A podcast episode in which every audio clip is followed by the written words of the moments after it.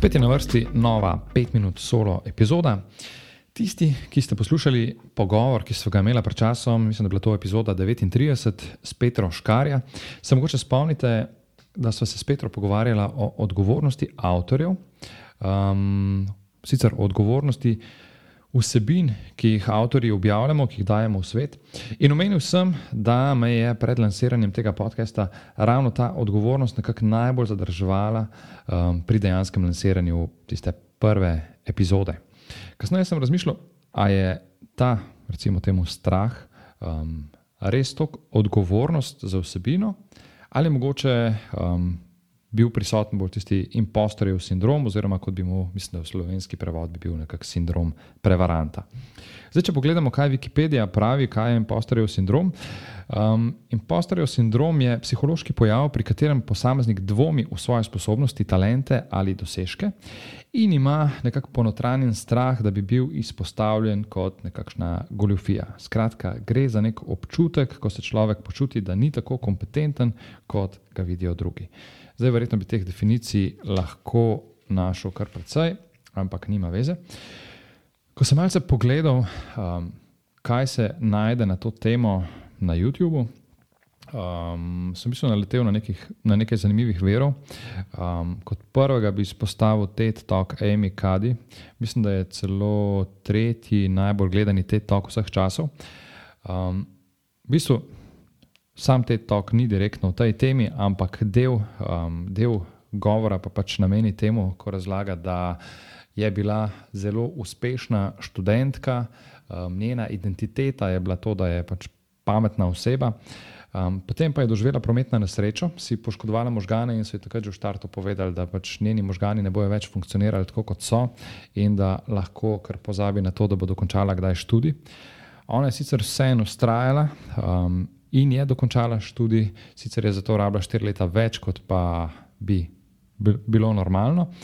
Um, ampak po tistem je bila dejansko sprejeta na univerzo v Princetonu in je vse čas nekako menila, da gre za napako in da bo nek, kar naenkrat se pojavil nekdo, ki je že hodila tja, ki je študirala tam, da se bo pojavil nekdo iz ne vem kje in bo pač rekel, da so se zmotili in da pač ona ne paše tja in da lahko odide.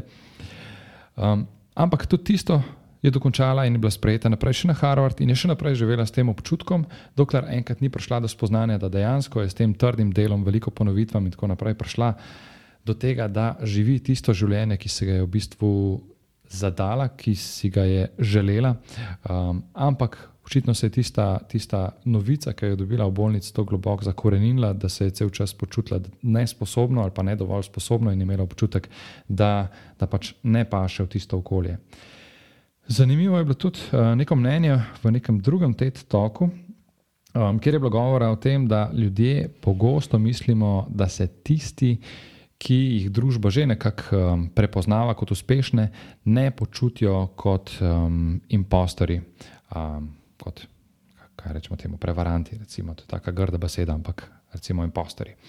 Ampak dejstvo je, da se v bistvu ravno tako tudi oni počutijo enako, mogoče manj dvomijo o sebi, ampak ravno tako pa dvomijo o svojih idejah, o svojem znanju.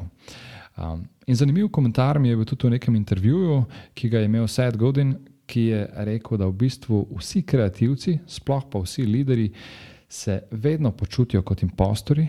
Um, zato, ker to pač so. In tega občutka se ne more znebiti, ker pač greš v nekaj neznanega, ne veš, kakšen bo končni rezultat, in zato te je strah, in zato se pač vedno, če si vodja ali pa če si nek kreativec za nekaj ustvarjaš, se vedno počutiš kot impostor. In ja, v bistvu res se strinjam, to je res nek, povem, nek strah, ki je zelo pogosto prisoten. Um, jaz ga občutim, recimo, tudi kot vodja na svojem delovnem mestu, kjer se vedno nekako um, mi pojavljajo ali pa nekaj porajajo, neka vprašanja. A je to, a jaz to res znam, a sem res dovolj kompetenten, um, kdo bo poslušal mene, pa moje ideje, um, pa neko mojo filozofijo. Um, isto je prisoten pri snemanju tega podcasta, ko se pač vsakič vprašam, a so vsebine, ki jih tako posnamem, dejansko komu sploh koristne, ali pa ko pošljem neko vabilo za pogovor in si mislim, pa se bo ta oseba res hotela pogovarjati z mano.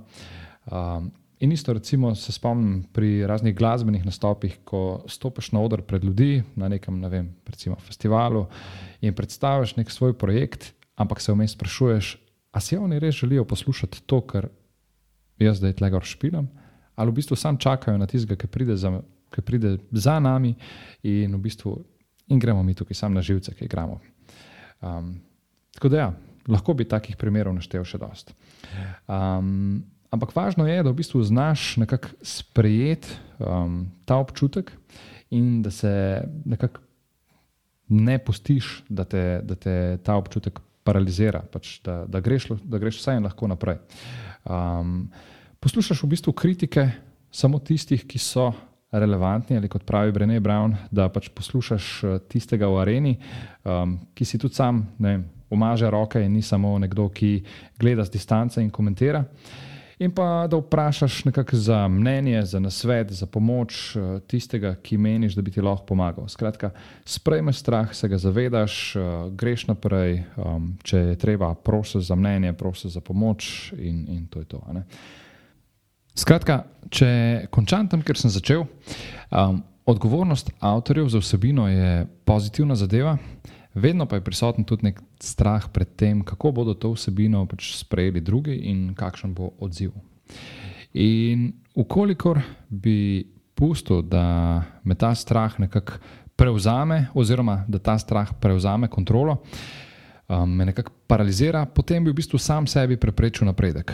Ukolikor pa sem sposoben ta strah sprejeti, se ga zavedati, ampak vseeno iti naprej, takrat pa pač vem, da sem na neki pravi poti do nekega napredka. To je to v današnji epizodi, se slišimo spet prihodnič. Še ena zadeva, preden greš, oziroma dve zadevi, preden greš. Najprej res hvala za poslušanje podcasta. Če ti je bila epizoda všeč, te vabim poslušati ostalih epizod, tistih, ki so že objavljene in tistih, ki še bodo. Hkrati pa te prosim, da na svoji podcast platformi podaš oceno oziroma pustiš komentar ali pa mogoče še več, da deliš podcast s svojimi prijatelji oziroma osebami, za katere meniš, da bi jih utegnil zanimati. In mi tako pomagaš pri širjenju prepoznavnosti podcasta. Še enkrat hvala in se slišimo v prihodnji epizodi.